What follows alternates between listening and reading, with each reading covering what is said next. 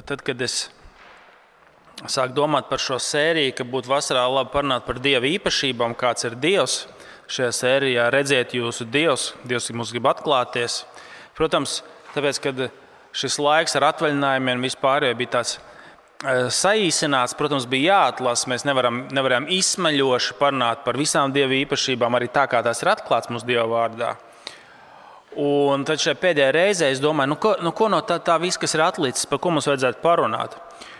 Un viena lieta, par ko es esmu pamanījis, ko cilvēki parasti uztver uh, ar, tā, ar tādu varbūt nelielu cerēs sašutumu vai neizpratni arī kristieši, vai uh, viņiem nepatīk dzirdēt par to, ka Dievs ir greizsirdīgs.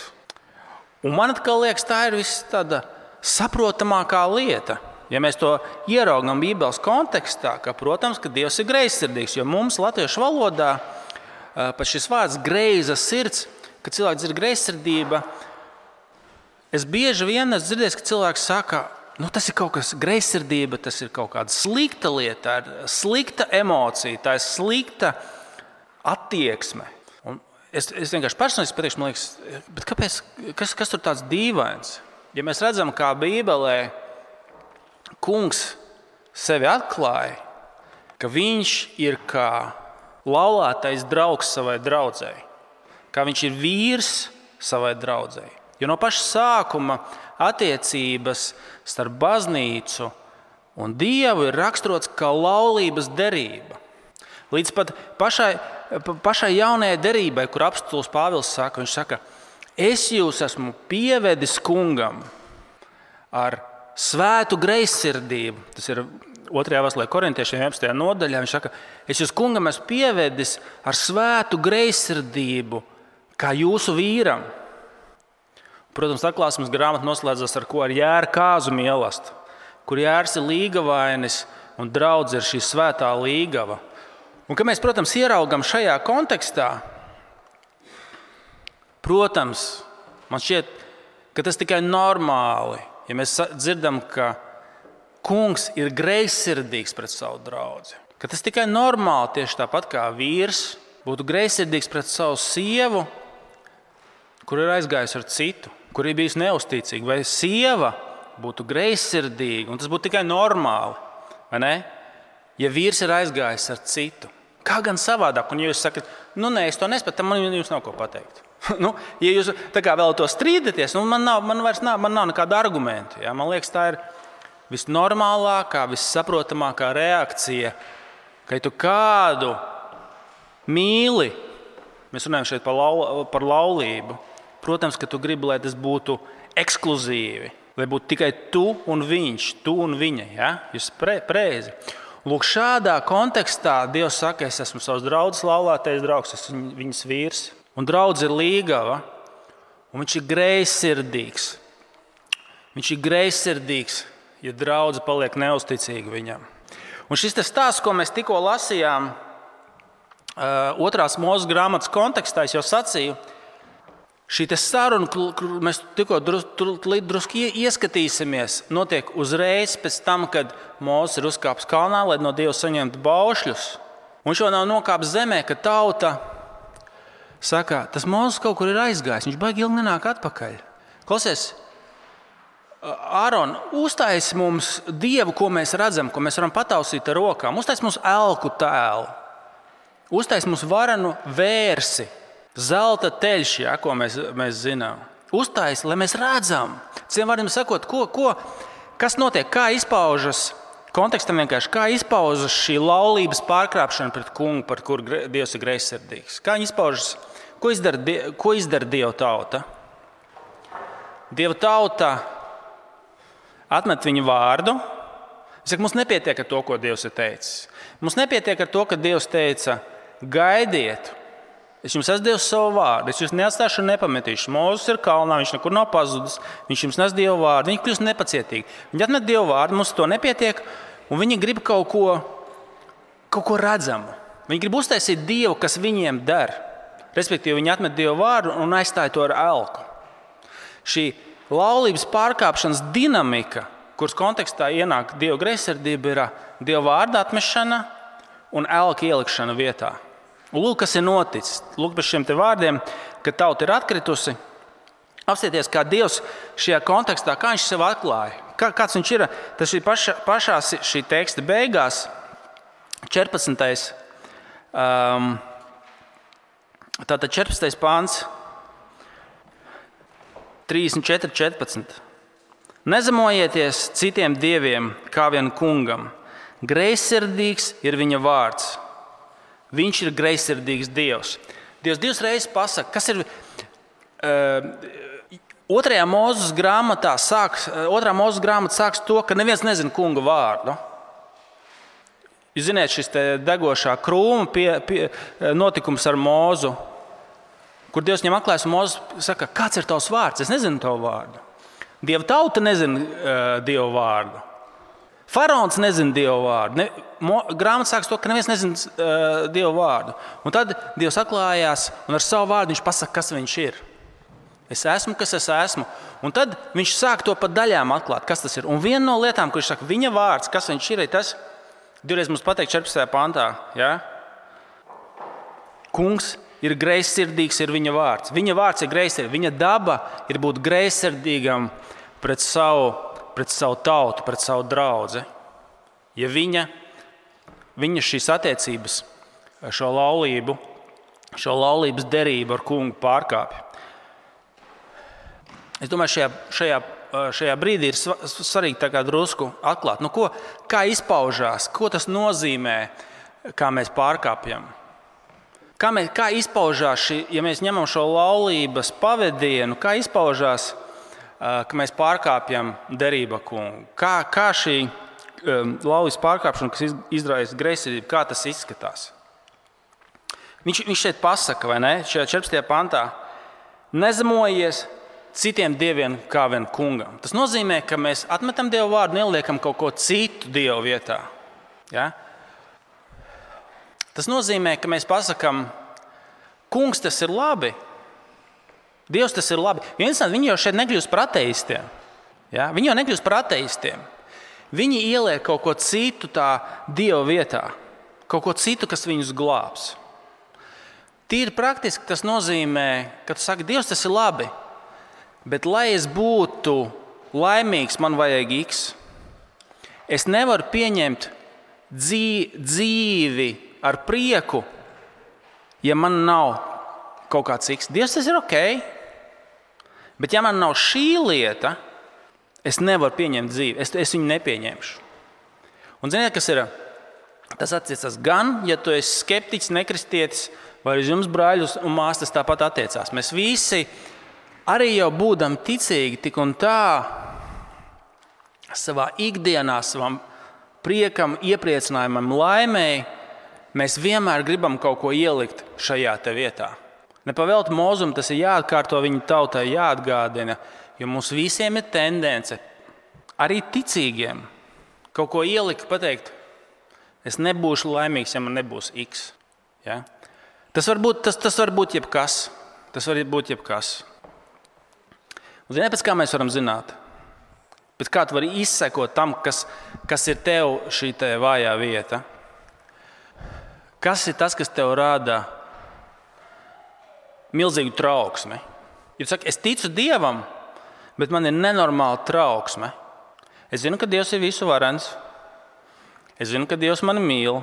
Es zinu, ka Dievs man rūpējās, bet man ir nenormāla trauksme. Man ir nenormāls bailes.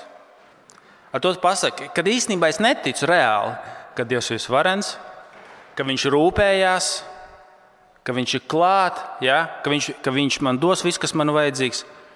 Un, un tad saka, lai, es, lai man šī trauksme bailes pazustu, man vajag to X, ja, Dieva vietā ielikt. Tipiski, protams, normāls, domāju, ir šajos apstākļos, kā mums ir ekonomika, ja? protams, tas ir finanses. Viens tāds, es domāju, kas ir diezgan tipisks veids. Protams, ja man būs finanses, tad, tad man atlaidīs. Ja? Un, ja man viņas nav, ja man ir kaut kāda uh, izaicinājuma šajā sakarā, Dievs, tas viss ir labi. Ja? Bet, lai, bet lai, lai es varētu dzīvi pieņemt, es negribu trivializēt. Tas ir, uh, tas, tas, tas ir nopietns tēmas. Bet, bet ja mēs sakām, kungs, tu esi, tu esi pateicis, ka tavi bērni teviem bērniem nebūs jāubago maize. Tu par mani rūpēsies, tu man nepametīsi. Lai cik grūti nebūtu, tava palīdzība kaut kā pie manis atnāks. Citreiz varbūt tas būs pārdabiski, ja?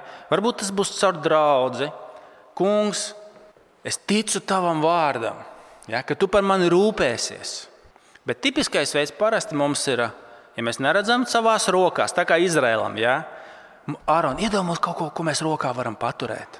Ja? Jo tie elki parasti mums ir tādi, ko mums vajag paturēt rokā. Naudas žūksnis, mašīnas atslēga, dzīvokļa atslēga, vīna glāze. Ja? Kaut ko, ko ja, ja, ta, ja man ir rokā, tad es zinu. Un kungs saka, redzi, tu kaut ko citu. Tu esi pateicis, ka tas tev dos drošību, nevis es. Jo mums visiem šie izaicinājumi būs. Mums viņi neizbēgami visiem būs. Vai cits vienalga, kas nezinu. Lai es justos kā normāls cilvēks, man vajag di diplomu pie, pie, pie, pie sienas. Tad es jutīšos normāls cilvēks, nejutīšos kā atkritums. Un tā tālāk, un tā tālāk. Ja? Vienalga, kas tas būtu, kungs saka, kas ir tavs reālais glābējs? Arī tāpat kā kristietim. Kas ir tavs reālais glābējs, kas tev dod mierinājumu un iepriecinājumu? Un es no otras puses pateikšu, ja mūsu trauksmes un bailes un nedrošība parāda, kur tas elks ir, ka kungs sāk mūs mierināt un dziedināt, tas izpaužas tādā veidā, ka mums, tad, kad mums atņem šīs lietas, kad saka, jā, es esmu bēdīgs, jā, es esmu sarūktināts, bet man ir pats galvenais. Man pats galvenais ir, man ir kungs, man ir viņa mūžīgā valstība, lai notikas notikdams. Pat ja man ir jāmirs, es būšu viņa mūžīgajā valstībā, jaunajā radīšanā. Jā, man nav patīkami, jā, es esmu diskomfortā, jā, man ir sāpes. Bet galvenā lieta man ir atcerēties, kā pie mācekļiem Jēzus Jāņa evanģēlijā māca, un uh, tur viņa mācība nav pieņemama, no viņa aiziet projām. Viņš mācekļiem saka, varbūt arī jūs gribat aiziet. Viņi saka, pie kā lai mēs ejam, tev ir mūžīgās dzīves vārdi. Un tas, kā evanģēlijas ienāk šajās sāpēs un pat bailēs, kad, kad, kad, kad, kad tu, tu, tu sāc sacīt, kungs, tev ir mūžīgās dzīves vārdi.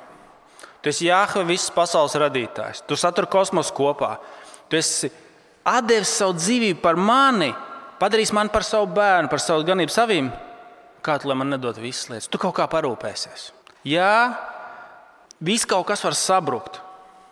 Bet tas, kā ienāk šis te praktiski, ka mēs staigājam ar savu kungu, kā savu lauloto draugu un, un sākam nepieķerties elkiem, ja? mums tas visiem jāmācās.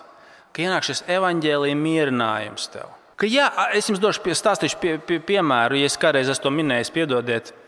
Viens no kristīgās tāds, bibliskās padomdošanas nu, teikt, pamatlicējiem pēdējos uh, gados Deivids Paulisons, viņam tā bija tāds stāsts, viņš tātad pasniedz uh, te, nu, tā, ko, tas, ko sauc par terapiju, ja psiholoģiju, bet ja bibliskajā kontekstā, ja šo padomdošanu. Viņš stāstīja, ka viņš lekcijās Viņš lasa lekcijas, un viņš pēkšņi vairs neatcerās neko.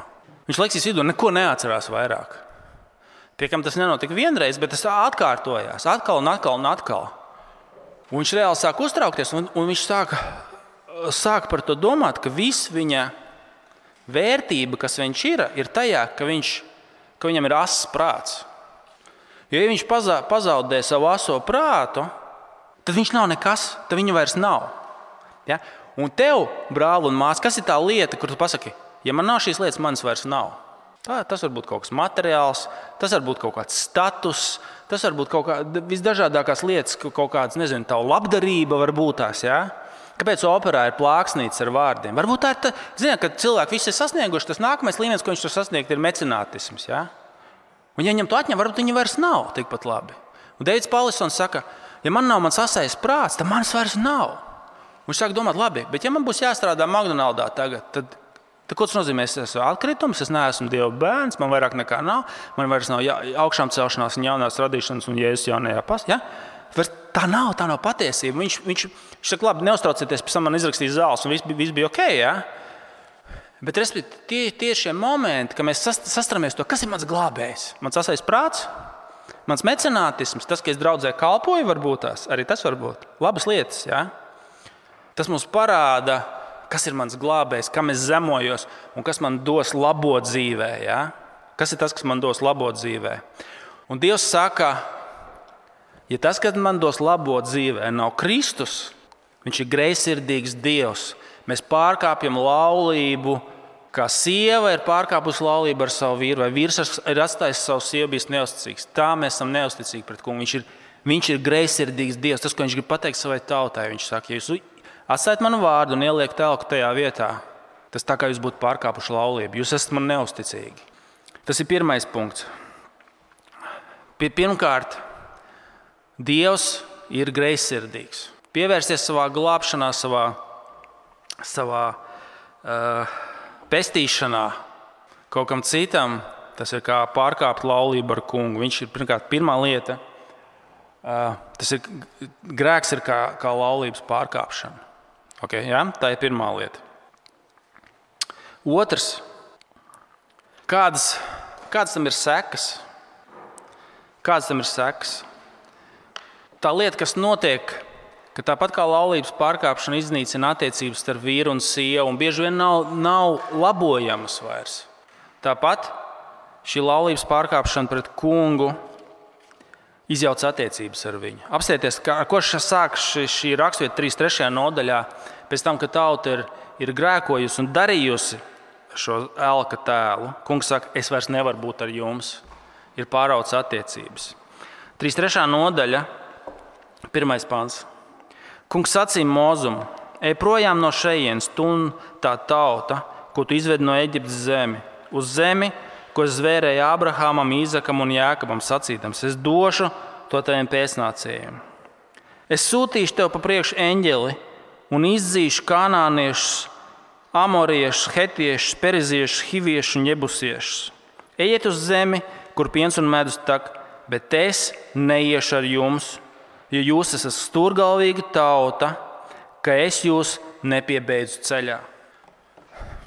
Laulības pārkāpšanas seks ir pāraudzes attiecības, un laulības pārkāpšana, neusticība dievam, viņa greizsirdība izpaužas tā, ka viņš saka, jūs nevarat, es, es, es par jums jānāk sodam.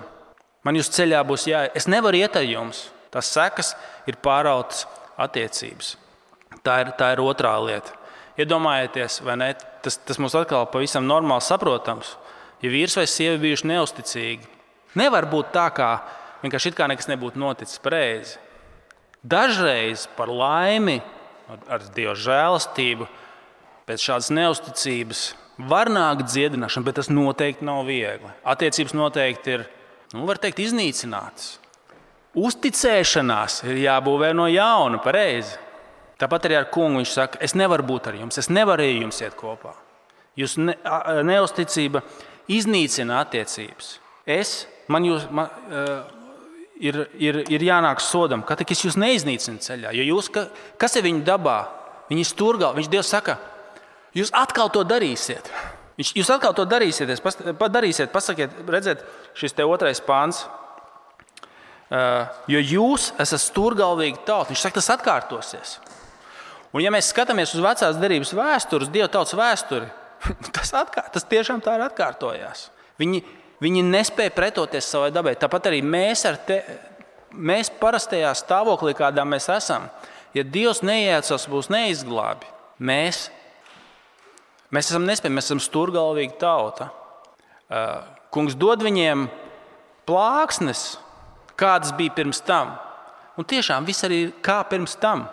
Dieva tautas vēsture mums parāda. Viņi stūrgalvīgi tauta, viņi turpina atkrist, viņi turpina būt neusticīgi, pievēršoties elkiem. Un tās sekas ir tādas, ka attiecības ar Dievu ir iznīcināts, un Dievam no viņiem ir jānovēršās. Un trešā lieta, trešais punkts, ko tad darīt? Ka, kur ir risinājums?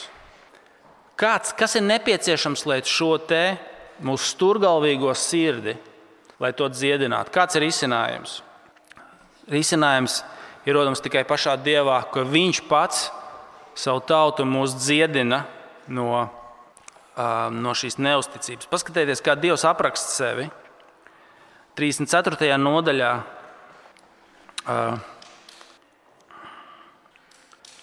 Tātad 3,4. nodaļa, 6. Sākot, nu, sāksim 5, tātad, no 5. līdz 7. pantam, 3,4. nodaļa, 5. līdz 7. pants, kur kur ir uh, risinājums, ka Dievs ir tas, kas apžēlojas un piedod. Tad 3.4. nodaļā, 5. pantu. Tad kungs nolaidās mākonī, nostājās tur pie viņa un sauca kunga vārdu. Kungs gāja viņam garām un sauca: Kungs, kungs, Dievs līdzcietīgs un žēlīgs, lēns dusmās un dāsns žēlastībā un patiesībā kas uztur žēlstību pie tūkstošiem, piedod vainas, pārkāpumus un grēkus, bet neatstāja nesodītu, viņš piemeklē tēva vainas pie dēla līdz trešajam un ceturtajam augumam. Interesanti, var, var, var šis, ka šeit ir kaut kāda pretruna. Ka Dievs ir žēlsirdīgs un piedod, un viņš nevar nesodīt. Sodam noteikti ir jānāk. Kā to atrisināt? Un te mums nāk palīdzīgā tas, kā uh, Dievs piedod savai tautai. Mēs redzam, ka Mozus visu laiku par viņiem iestājās. Dievs saka, es neiešu, neiešu ar jums. Mozus saka, nē, ja tu neesi, mēs bez tevis nekur neiesim. Lūdzu, piedod tai. Jā, mēs esam stūrgalvīgi. Jā, tev ir jāiznīcina viņa ceļā. Bet esi lūdzu žēlsirdīgs un piedod. Apstāties tātad 3. 3. nodaļā. Tātad 3,5. Un kungs teica Mozum, saka Izraēla dēliem, jūs esat stūrgalvīgi. Ja, ja kaut mirklis iešu jūs vidū, tad es jūs piebeigšu. Ja? Un Mozus iestājās un saka, piedod savai tautai. Mozus ir kā starpnieks, un viņš mums šajā ziņā norāda uz Kristu. Ka mēs esam stūrgalvīgi kā Izraels. Ja mums dos vēl vienu iespēju, mēs tāpat viņu neizmantosim, mēs tāpat būsim neusticīgi. Un Mūzes iestāšanās dēļ kungs viņiem piedod. Kur, kur ir tā atbilde? Kungs ir taisnīgs un viņam jāsoda grēks. Un tad pat laikā apstāties, kā viņš sev apraksta šajā te, uh, sastajā pantā. Dievs līdzcietīgs un žēlīgs, lēns dusmās un dāsns žēlstībā un patiesībā. Un Kristū mēs redzam šīs abas lietas, ka viņas satiekās kur grēks ir nosodīts. Taisnība ir piepildīta. Dievs ir taisnīgs, kas soda grēku, un vienlaicīgi, kas ir dāsns žēlstībā. Ja tu gribi redzēt, kas tavu sirdi izmainīs, tad tev jāskatās uz to, kā mēs esam neusticīgi, stūrgalvīgi un pelnījuši sodu. Ja? Dievs nevar nesodīt. Un tajā pat laikā, ja tu redzēsi, ka par spīti tam kungs piedod, ka pat spīti tam viņš ir, lī, viņš ir līdzcietīgs un lēns savā dusmās. Un tad, kad tu to sapratīsi, tad, kad tu to piedzīvosi, tad, tad, tad, tad kad tu to ieraugi, un arī kā, tas nav tikai ceļa sākumā, tev pēc tam arī kā kristietim jāturpina tas darīt. Jāturpina skatīties uz to, kā pa spīta vai stūrgalvīgā, arī jau kā kristietim, kur tu savā sirdī gribi pievērsties citām lietām. Ka kungs grib tev izrādīt žēlstību, viņš tev grib mainīt un tevi, uh, mainīt tavu sirdi ar, ar savu žēlstību. Un tad, kad tu to saproti un to ieraugi, tas tev īstenībā vairo šo paļaušanos un pieķeršanos kungam. Ļauj man to noslēgt ar pie, pielietot dažos, dažos, dažos pavisam tādos konkrētos veidos, ko mums ar to iesākt. Es gribu parunāt ar skeptiķiem. Um, tad, kad, tad, kad tu klausies un interesējies par kristietību, Un tu saki, jā, man varbūt interesē, bet man ir, man ir dažas pretenzijas. Man ir kaut kādas lietas, kas man nav pieņemamas, vai kuras es nesaprotu, vai kaut kādas idejas liekas vecmodīgas, un mūsdienās tā neviens uh, vairs nevar uzskatīt. Es gribu pateikt vienu lietu. Šī, šī te, uh, nodaļa, šī ideja par, par to, ka Dievs ir greizsirdīgs un grib būt mums ar, ar savu draugu attiecībās, kā vīrs ar sievu, zini, ko tas pasaka? kad īstenībā visi tavi iebildumi ir uh, tāds viltus, viltus dūmaka. Tavs īsten, īstais iebildums, dēļ kura uh, mēs pretojamies, dēļ kuriem tu pretojies, ir tas, ka īstenībā tu negribi būt šādās attiecībās ar Dievu. Šāds Dievs tevi biedē. Ja? Tas īstais iemesls, aiz, kuriem, aiz kura mēs nenākam, tie nav kaut kādi iebildumi vai intelektuāls problēmas, bet īstenībā tas, ka mēs gribam Dievu turēt pa gabalu. Mēs gribam, ziniet, turpinot šo laulības līdzības salīdzinājumu, mēs gribam būt kā puisis, kas pārguļ meiteni un no rīta pazūd. Kurš grib kaut ko paņemt, bet grib aizlaisties. Ja? Tāpat mēs ar Dievu mēs gribam tos labumus, ko viņš, grib, ko viņš grib mums dot. Mūsu veselību, mūsu prātu, mūsu dzīvi. Ja? Mēs gribam kaut kādus labumus, bet mēs negribam pašu Dievu. Mēs gribam aizmukt, mēs gribam paņemt labās lietas un pazust. Mēs negribam būt šādās attiecībās. Un, ja tu esi interesants un, un skeptiķis, es teiktu, turpini iepazīt, turpini iepazīt, ko saka Bībele, turpini iepazīt Dievu, bet atceries, ka Bībele būs intelektuāli, loģiska, vēsturiski pamatojama, eksistenciāli pamatojama. Tu nebūsi pievīlies. Tas, kas galvenais tev attur šobrīd un atturēs, kad īstenībā tu gribi būt brīvs. Ja? Īstenībā tu gribi būt brīvs un turēt Dievu pa distanci. Tas mums atklāja kā, grēku aiz, aiz, aiz grēkiem. Grēks nav tās lietiņas, dažādas, ko mēs tur sliktās lietas, ko mēs darām, bet tas iemesls īstais ir tas, ka mūsu sirdīs ir dziļa neusticība viņam. Vēlēšanās pieķerties elkiem, būt neusticīgiem kungam. Nu, tas attiecās uz tevi, skeptiķi, kas klausās, un uz kristiešu brāļiem un māsām. Tas mums parāda, kā, kas mums īstenībā ir jānožēlo. Ja? Tā īstā lieta, kas mums jānožēlo, ir kaut kāda dziļa sirds vēlēšanās būt neusticīgam. Okay? Tā ir viena lieta. Un tas arī tev kā jau tikko es to pieminēju, eh, kristiešu brāli un māsa parāda kā, īsto grēksūdzes uh, saturu. Mēs tagad pēc kāda brīža iesim pēc, pie, pie kunga pēc grēksūdzes. Un, un, un tev, atkal, skeptiķim, varbūt tu nekad neesi piesaucis kungu. Un tu varbūt esi tajā punktā, kur, kur tu saproti, ka visi tie solījumi tev likuši vilties. Vispārējie dievi ir bijuši dūma, un īstenībā elka, un, un viss, kur tu esi meklējis, ir vienīgi, vienīgi vilšanās. Ziniet, kā latviešu dziesmā, ja? dzīvīte, dzīvīte, daudz tu man solīji, maz tomēr devi. Ja? Nepavēlti mēs dziedam tā galda dziesmu, ja latvieši. Daudz tu man solīji, maz tomēr devi. Varbūt tu esi tas cilvēks, kas saka, daudz man solīji, maz tomēr devi. Tad kungs saka, Kur tu citur iesi? Man ir mūžīgās dzīves vārdi. Es esmu vienīgais, uzticamais, tavs glābējs un kungs, un es tev piesaistīšos. Un es esmu tā mīlestība, ko tu meklē aiz visām citām mīlestībām. Šaka nāc, atgriezies pie manis, izsūdz, nožēlo savu neusticību, un es tev pieņemšu. Tev atkal kristieti, tas, kas ir. Šī, ko tas parāda par grēksūdzi, kad īstenībā tas aiz, aiz, aiz mūsu nepaklausības gal galā ir jānožēlo ka mēs īstenībā neesam ticējuši, ka viņš ir labs. Mūsu laulātais draugs, mūsu īsts, mūsu glābējs, ka mēs savu glābšanu esam meklējuši un meklējam īstenībā pie citām lietām. Un tas, ko mēs varam nožēlot un pārdomāt šajā laikā, klusumā, kas ir tas lietas, kuras meklēja savu glābšanu? Ja? Kas ir tas, kuras neusticos kungam, kuras meklēja kaut ko citu ielikt viņa vietā, elku?